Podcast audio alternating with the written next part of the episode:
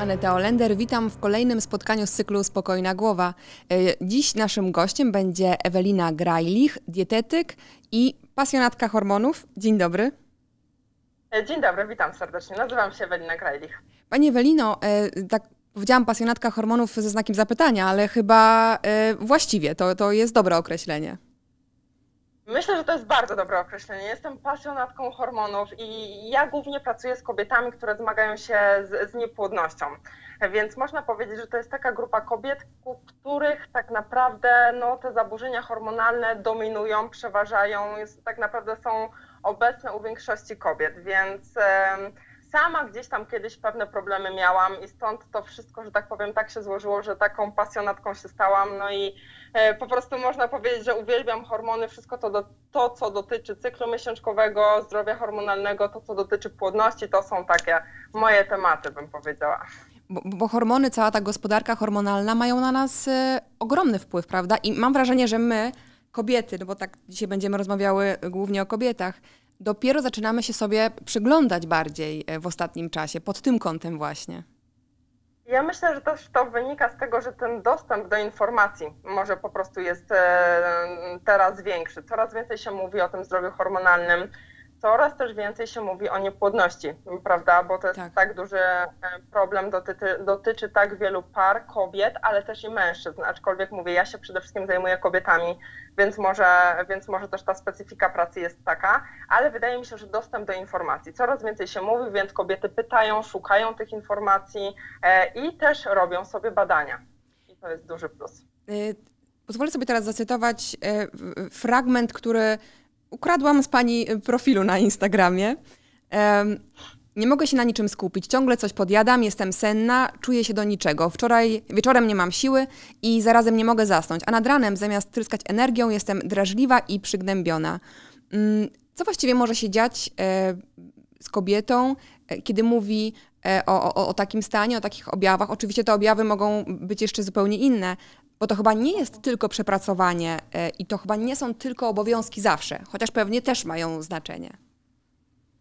Tak, mają znaczenie i e, muszę tutaj przyznać, że faktycznie tak jest, że bardzo duża część kobiet ma problem, tak? Czyli ma problem w kontekście przepracowania i ten stres, to przepracowanie, odpisywanie wiadomo, późną porą na maile, czy to się zdarzy raz, czy dwa, to jest w porządku, tak? Natomiast jeżeli to się zdarza tak nagminnie, to faktycznie to przepracowanie, ten stres, one wpływają na szereg zaburzeń hormonalnych, tak? Bo no, zaburzenia hormonalne to jest bardzo szeroki termin. E, Więc te zaburzenia hormonalne mają swoje podłoże właśnie w tym stresie, natomiast faktycznie tak jest, że pojawia i, i wtedy i może się rozwinąć. Na przykład w wyniku tego stresu, nadmiernych kilogramów, podjadania, mogą się pojawić takie stany jak insulinooporność, e, która dotyczy po prostu bardzo wielu kobiet, tylko bardzo wiele kobiet so- sobie po prostu z tym e, jakby nie jest świadoma tego, tak, bo no dopóki właśnie nie czytamy, nie wiemy, co się może wydarzyć, tak, co, co się dzieje z nami, kiedy my mamy insulinooporność i dopóki tego nie wiemy i nie znamy tych informacji, to my e, nie zdajemy sobie z tego sprawy. Natomiast poza takim przepracowaniem, e, tak naprawdę mogą się pojawiać inne zaburzenia hormonalne i to mogą być na przykład niski poziom estrogenów, czy na przykład niski poziom progesteronu, czy, wysoka, e, czy wysoki poziom prolaktyny, czy na przykład zaburzenia androgenów, czyli tak zbyt wysoki poziom androgenów, czasami zbyt niski, aczkolwiek ten zbyt wysoki poziom androgenów, zbyt wysoki poziom testosteronu jest no, coraz częstszy, tak? I dotyczy na przykład e, kobiet z zespołem policystycznych jajników, a tak jak wiemy, zespół policystycznych jajników to jest nawet 10 do 15% kobiet w wieku rozrodczym. To jest e, bardzo duża ilość kobiet, tak? Więc e, poza przepracowaniem jest też szereg innych po prostu zaburzeń hormonalnych, których my nie jesteśmy świadome i które się rozwijają też nie do końca przez styl życia, e, który my tak jakby styl życia nie jest tylko i wyłącznie przyczyną tych zaburzeń hormonalnych, które się u nas rozwijają, tak? No właśnie o tak to, to o, trzeba roz... Mm, Przepraszam, włożyłam słowo. O to właśnie chciałam zapytać, czy najpierw jest tak, że jest to przepracowanie i potem pojawiają się e, problemy hormonalne, czy coś jest nie tak w naszym organizmie i wtedy jest to zmęczenie? No właśnie y, zależy. Mhm. Zależy. Właśnie zależy od zaburzeń hormonalnych. Czyli często jest tak, że właśnie pojawia się stres. To znaczy, dajmy na to, miałyśmy spokojną pracę, E, I nagle chcemy czegoś więcej. Zmieniamy pracę, jest trochę więcej stresu, wiadomo, jest nowa praca, jest więcej, więcej obowiązków, też chcemy się bardziej wykazać, więc ten stres jest obecny. I to może być tak, że problemy nie pojawią się od razu. To, to nie jest tak, że one się pojawią po dwóch tygodniach, po miesiącu. One mogą się rozwinąć nawet po pół roku, po roku. Tak? Więc to nie jest tak, że, że, my ten, że my ten efekt niestety taki negatywny widzimy od razu. E, więc to zależy. Więc zależy od takiej naszej wrażliwości indywidualnej, w zależności od stanu zdrowia, który miałyśmy wcześniej, to jest kwestia bardzo indywidualna. Natomiast też są zaburzenia hormonalne, czyli na przykład właśnie e, uczepiłam się tego zespołu policystycznych jajników, tak, ponieważ on jest bardzo częsty. Tak, oczywiście. E, natomiast tam już podłoża, no tam mamy czynnik genetyczny, e, mhm. tak, więc to nie jest tak tylko, że tylko i wyłącznie nasz styl życia, natomiast no, nasz styl życia może się jakby pogorszyć troszeczkę ten nasz stan, tak, pogłębić tą insulinooporność, tak, pogłębić te zaburzenia gospodarki węglowodanowej. Natomiast e, trzeba to tak rozróżnić, że są te problemy wynikające ze stresu, e, który, który po prostu daje taki efekt nawet za pół roku, nawet za rok. E, natomiast są też takie, takie zaburzenia, które mają swoje, swoją przyczynę już wtedy, jakby taką przyczynę genetyczną.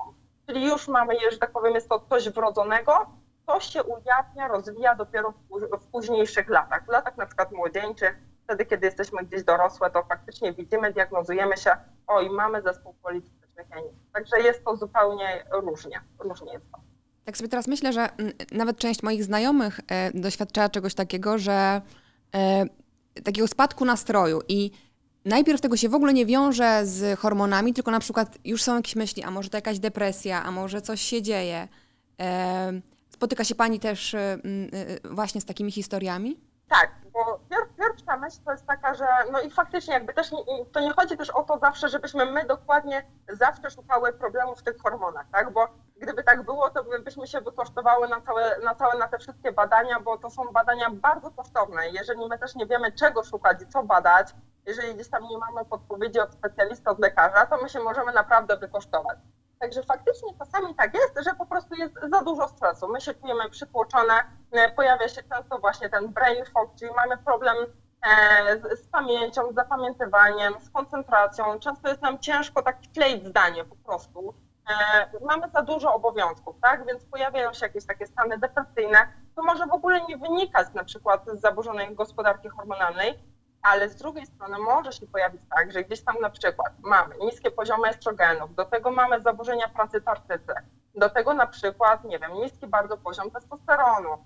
I to wszystko będzie gdzieś tam wpływało na te nasze zaburzenia koncentracji, na nasz nastrój e, na co dzień, czyli to, jak my się czujemy na co dzień. Do tego właśnie ta insulinooporność też, o której powiedziałam. Ja bym powiedziała, ja tego nigdy nie liczyłam, natomiast ja bym tak mniej więcej określiła, że nawet 60-70% kobiet, ponieważ ja się głównie zajmuję kobietami, to są kobiety, które się u mnie pojawiają, to są kobiety, które mają zaburzenia gospodarki węglowodanowej, czyli jeżeli się ta, te zaburzenia pojawiają, jest ta insulinooporność, to my, u nas mogą, mogą być problemy z koncentracją.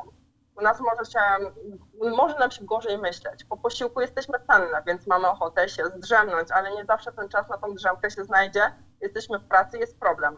E, więc e, mówię, bardzo często jednak ma to swoje podłoże takie, e, że tak powiem, ta depresja ma podłoże swoje takie e, e, hormonalne, tak? I bardzo dużo kobiet leczy się na depresję, tak? I, I to leczenie jest włączone, ale też trzeba być świadomym tego, że u podłoża depresji bardzo często też leżą zaburzenia hormonalne. Chociażby znowu, wracając do zespołów policystycznych jajników, u tych kobiet ryzyko rozwoju depresji jest dużo większe niż u kobiety, która tego zespołu nie ma. E, więc trzeba o tym wiedzieć, tak? Więc to nie jest związane tylko i wyłącznie z tym, że no, y, potrzebujemy pomocy specjalisty, potrzebujemy gdzieś tam e, mhm. pod kątem psychologicznym pewnie tak. Natomiast trzeba też wiedzieć, że u kobiet się pojawiają i problemy gdzieś tam z, z prądzikiem, i problemy z wypadaniem włosów. I to są te wszystkie problemy, które wpływają też na naszą pewność siebie, na naszą samoocenę jak my siebie oceniamy, jaką my mamy chęć do życia. Jeżeli mamy problem właśnie estrogeny, progesteron z tą równowagą, to to też wpływa na nasz nastrój, na to, jak my się czujemy.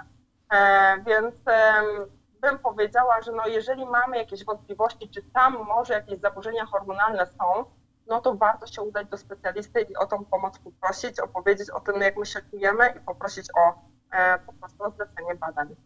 Pod tym e, wpisem, który zacytowałam na początku, znalazłam taki komentarz, kiedy jedna z kobiet mówiła, że wiele, wiele pań czuje, ma takie, czuje wstyd, że na przykład znowu nie jest w stanie, nie wiem, sklecić zdania, znowu nie, nie jest, te możliwości intelektualne na przykład nie są takie, jakby chciała. To też się zdarza, że, że, że my kobiety jest nam wstyd, że po prostu jesteśmy w, w, gorszej formie? E, jest nam często wstyd, bo my nie wiemy, że to są, że gdzieś tam właśnie się pojawiają te zaburzenia hormonalne, czyli jest nam wstyd często, że ojejku, no nie dałam rady. No niby spałam te 9-10 godzin, a ja się dzisiaj budzę i jestem znowu zmęczona. Tak. E, I, i, I po prostu czasami jest nam głupio, że nie potrafimy się wziąć w garść e, i gdzieś tam stawić czoła i iść tym kolejnym dniem, tak? Tymi nowymi wyzwaniami. I często kobiety czują się takie zagubione spałam, znowu jestem zmęczona, co się ze mną dzieje, znowu nie daję rady.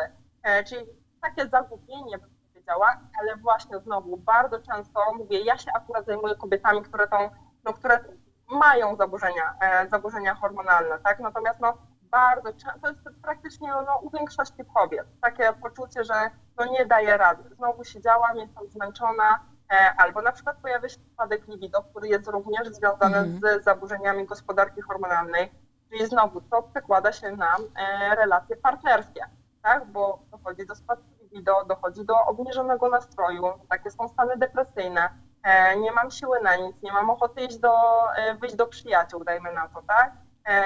I to wszystko wpływa na relacje partnerskie również. Czy jest szansa, żebyśmy powiedziały żebym poprosiła Panią, żeby Pani powiedziała o jakie objawy można e, przyporządkować do jakich zaburzeń, czy to po prostu będzie e, oddzielny program byłby na to potrzebny? Ciężko jest, ciężko jest tak przyporządkować, czyli które objawy są stricte związane mhm. z zaburzeniem których hormonów. Ja myślę, że musiałybyśmy o tym oj, trochę, trochę więcej czasu na pewno na to znaleźć. Natomiast często, nie wiem, czy podajmy na to, pojawiają się zaburzenia nastroju. Ciężko jest to przypisać tylko i wyłącznie mm, dla, dla, do jednego hormonu. To jest bardzo ciężkie. Na przykład, jeżeli chodzi o podjadanie, prędzej, tak? Bo tutaj, jeżeli przeprowadzimy wywiad e, z kobietą, z pacjentem, to faktycznie możemy zobaczyć wiele. Do tego, jeżeli zostaną zlecone odpowiednie badania, czyli na przykład pod kątem insulinooporności, to tak naprawdę no, dowiemy się już bardzo, bardzo dużo. Więc takie przyporządkowanie, że konkretnie zaburzenia nastroju to jest jeden hormon albo dwa, to coś, czegoś takiego się zrobić nie da, e, to na pewno. Natomiast jeżeli tutaj przeprowadzimy taki wywiad w połączeniu też z cyklem miesiączkowym, czyli jakie te cykle są, czy one są długie, trwają 40-50 dni, dajmy na to, tak? Czy na przykład występuje senność po posiłku, to faktycznie, czy na przykład wybudzanie się w nocy, czy jakieś nocne poty, to wszystko faktycznie gdzieś tam nas ukierunkowuje i właśnie lekarzowi też pozwala zlecać do tego określone badania, tak? Bo dobrze by było też po prostu do tego zlecić określone badania. Y, y, specjaliści rzeczywiście y, może tak bardziej holistycznie dzisiaj patrzą, lekarze, ale zdarza się i mi też to się zdarzyło parę miesięcy temu, że usłyszałam, że no wystarczy zmienić dietę, I tak naprawdę, no przecież tutaj jest wszystko ok. No a kiedy rzeczywiście jest to odczuwalne i ten brain fog i tak dalej. Um, powtórzę się z tym słowem, czy zdarza się, ale um, spotykamy się z tym, że, że lekarze jednak bagatelizują to nasze e, przemęczenie. Między innymi przemęczenie oczywiście, bo, bo może być wiele innych tych objawów. To, mhm, to znaczy, teraz jest to na tyle ciężkie, że tak, no mamy teraz e, czasy, no, jakie mamy, więc to przemęczenie gdzieś tam się zdarza. Opieka nad dziećmi E, tak, plus godzenie tego wszystkiego z, z, pracą, z obowiązkami, z takim życiem zawodowym, to jest naprawdę ciężkie. E, same o tym wiemy. Więc e, faktycznie słyszę czasami tak, że no gdzieś tam zostało to zbagatelizowane ale wydaje mi się, że jakby też nie możemy oczekiwać wszystkiego, jakby wszystkich, całego pakietu badań tak. od lekarza internisty, tak? Idąc do lekarza pierwszego kontaktu, no nie możemy oczekiwać od lekarza, że dostaniemy skierowanie na przykład na specjalistyczne badania hormonów, tak? mhm. Zostaniemy po prostu skierowane do odpowiedniego lekarza o specjalizacji endokrynologia, e, lekarz endokrynolog, ginekolog, tak? I tam te badania dalej będą będą wykonywane. Natomiast dobrze by było faktycznie sobie raz na jakiś czas zrobić chociażby takie podstawowe badania, tak? Czyli na przykład morfologia, lipidogram, e, czy to poziom, e, poziom ferytyny, poziom żelaza, poziom witaminy D, 25 OH, tarczycę zbadać, może lekarz też zleci przeciwciała, E, tak, więc USG, to, to wszystko już są takie, że tak powiem, dalsze, dalsze specjalistyczne badania, w zależności od tego, co nam wyjdzie z tych podstawowych badań. Więc taki faktycznie przegląd warto sobie raz do roku zrobić, zafundować, nawet jeżeli takiego skierowania gdzieś tam no, nie dostaniemy, no ale też musimy no, zdawać sobie z tego sprawę, że na, no, nie na wszystkie badania e, dostaniemy skierowanie i na część niestety no, będziemy musiały sobie tutaj no, zapłacić same. Natomiast e, też wiem często, że kobiety tak bardzo szukają tych przyczyn, tak. że gdzieś tam przeczytają w internecie, to muszę zbadać teraz estradiol, prolaktynę, całą listę hormonów idą, wykonują te badania, okazuje się, że później płacą 1000, 1500 zł, bo to są, to są drogie badania. Tak. Ale też trzeba wiedzieć o tym, e, kiedy te badania zrobić, tak? Czyli w, której w którym konkretnie dniu cyklu, czy to na początku cyklu, czy to kilka dni na przykład po ovulacji, czyli dobrze by było takie rzeczy wiedzieć. Czyli jeżeli już bardzo chcemy coś zbadać, coś czujemy, że coś jest nie tak, to zapytać lekarza, czy czy i kiedy w ogóle, czy zbadać te hormony, czy być może inne, której fazie cyklu, w którym konkretnie dniu cyklu, czy zaczekać na owulację, to wszystko zależy. E, tak więc jeżeli już mówię, mamy jakieś fundusze, chcemy na to przeznaczyć pieniądze i no, musimy się z tym liczyć, że to kilkaset złotych będzie kosztowało, to po prostu się dowiedzieć, kiedy dokładnie konkretne badania zrobić. E, a powinno być na przykład tak, że okej, okay, no co dwa lata sprawdź sobie tę prolaktynę, czy nie ma takiej konieczności? Nie, nie, nie, nie. Jeżeli wszystko jest ok, kobieta nie ma żadnych problemów z zajściem w ciążę, to tej prolaktyny się po prostu nie bada, tak? Mhm. Natomiast jeżeli faktycznie jest tak, że są problemy, pojawiają się problemy z zajściem w ciążę, e, prolaktyna, wysoka prolaktyna też no, wpływa negatywnie na owulację, na zajście w ciążę, więc te problemy z no, niepłodnością mogą się pojawić, więc wtedy na pewno tak. Natomiast tak po prostu zbadajmy prolaktynę, no to raczej się tego nie wykonuje. To to samo androgeny. No. Mało która kobieta tak naprawdę, jeżeli kobiety mają regularne cykle, no to tego się nie bada, tak? E, natomiast ja mówię tutaj o takich podstawowych, o takich chociażby podstawowych e, mhm. badaniach, żeby sobie, e, żeby sobie zrobić, tak? Czyli morfologia, właśnie ten lipidogram, tarczyca, witamina D, to są takie podstawowe, e, podstawowe badania, które sobie no, warto zafundować, nawet jeżeli tego skierowania nie mamy, chociażby raz do roku. Czyli jeżeli jest coś nie tak, to warto szukać, ale też z głową. Oczywiście nie, że trzy pakiety po tysiąc złotych i sprawdźmy od razu wszystko, e, ale też nie odpuszczać, jeżeli jest coś nie tak, bo tak jak pani mówi, te konsekwencje, nawet jeżeli mówimy o niepłodności, no to są bardzo poważne e, tak naprawdę. To są bardzo, bardzo poważne, tak, to są bardzo poważne rzeczy, tak? Natomiast mówię tutaj, mm, bo często w ogóle do mnie piszą kobiety. E, co ja mogłabym sobie zbadać, bo mam problem, nie wiem, bo nie mogę zejść w ciążę. Mhm.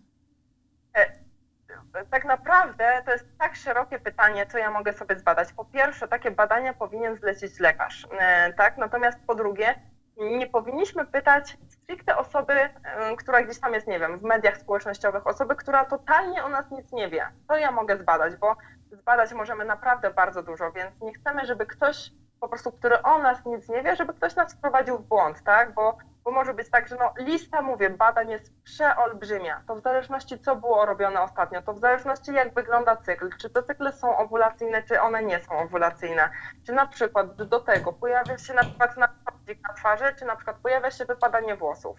E, czy właśnie, czy ta senność po posiłku, to w zależności co się u danej kobiety robi, taki jest, e, takie się badania po prostu kieruje tą osobę, tak, na takie badania. Natomiast no, nie wiedząc totalnie nic o osobie, no to skierowanie, pytanie takich osób właśnie gdzieś tam z internetu albo szukanie, podpieranie się internetem może spowodować, że stracimy kilkaset złotych, wykonamy właśnie badania w nieodpowiednim dniu i do tego no, mogłybyśmy coś jeszcze do tego sprawdzić. Zapomniałyśmy czegoś zbadać, więc coś znowu musimy powtórzyć, znowu gdzieś tam iść znowu na te badania.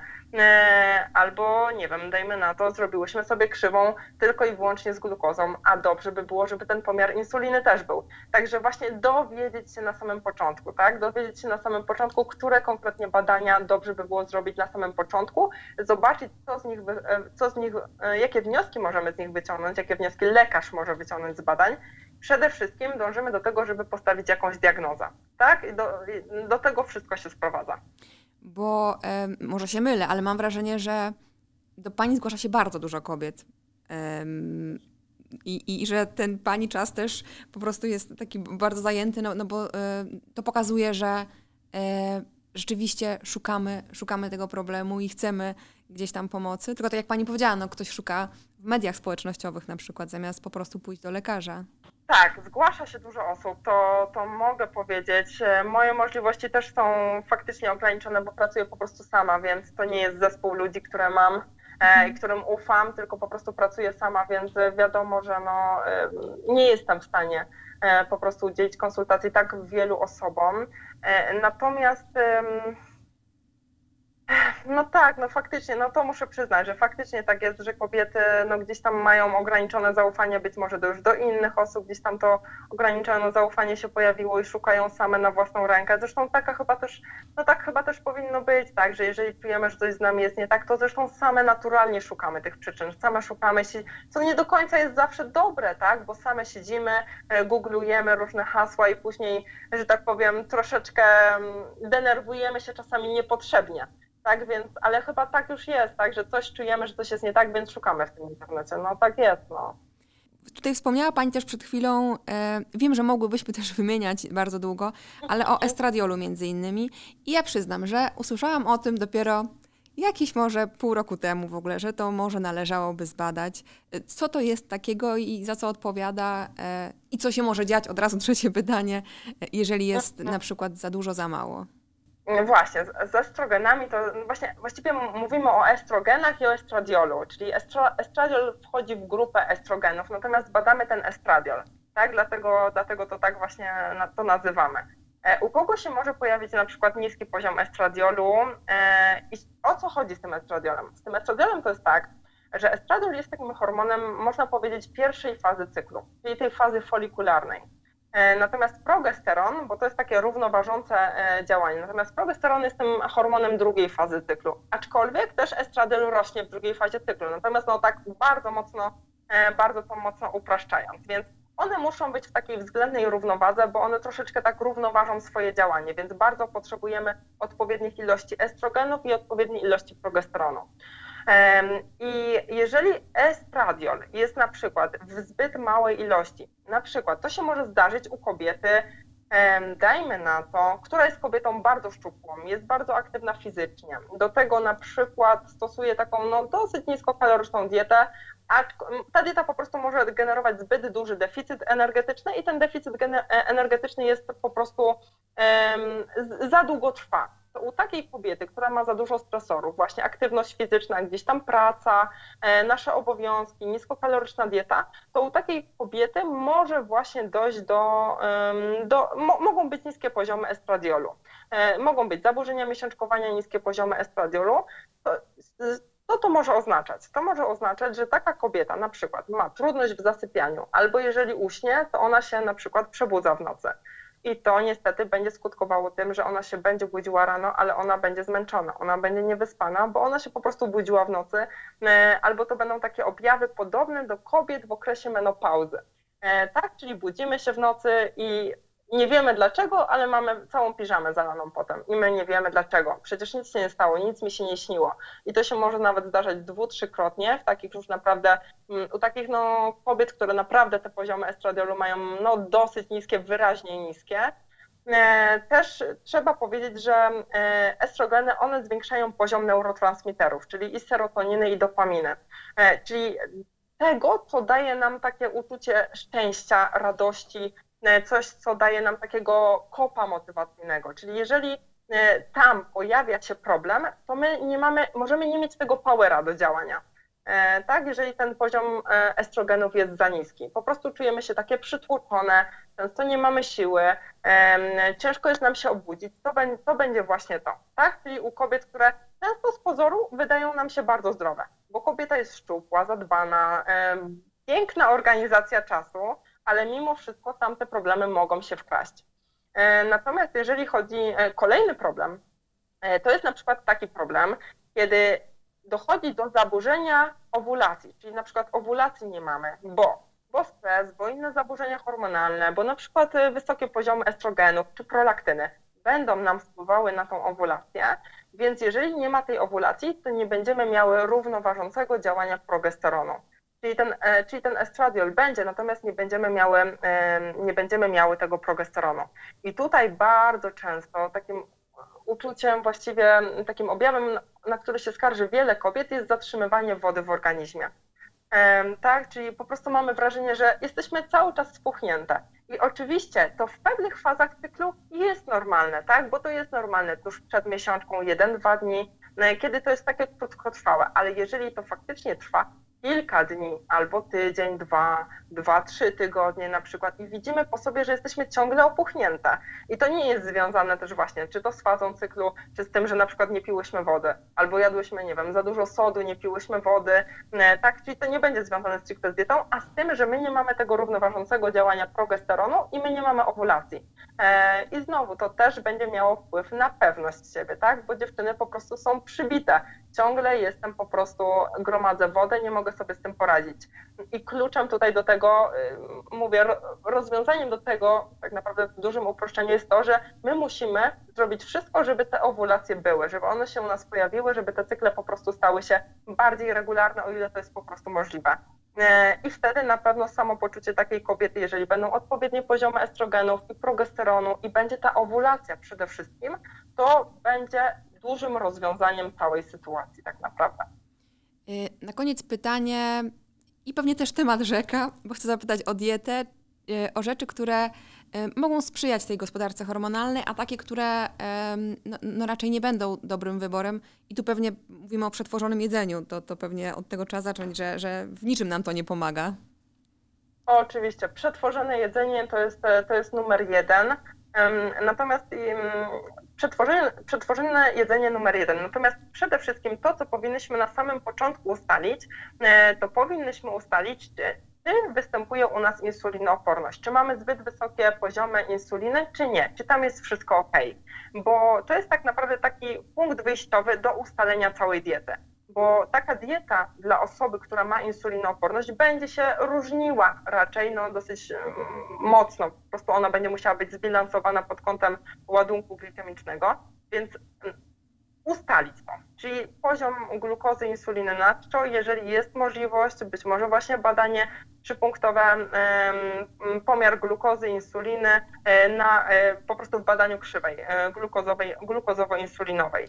To nam da odpowiedź na to, co tam się z tą gospodarką węglowodanową dzieje, tak? Bo gospodarka węglowodanowa też wpływa na pracę tarczycy, też upośledza pracę hormonów tarczycy, więc i tarczyca, i gospodarka węglowodanowa, one wzajemnie na siebie wpływają. Więc tak naprawdę w przypadku, jeżeli już mamy jakieś zaburzenia hormonalne, to pierwsze, co powinnyśmy zrobić, to ustalić, czy tam jest ta insulinooporność, czy jej nie ma. Na pewno ustalić, co tam się dokładnie dzieje, czy występują problemy z tarczycą, czy ich nie ma.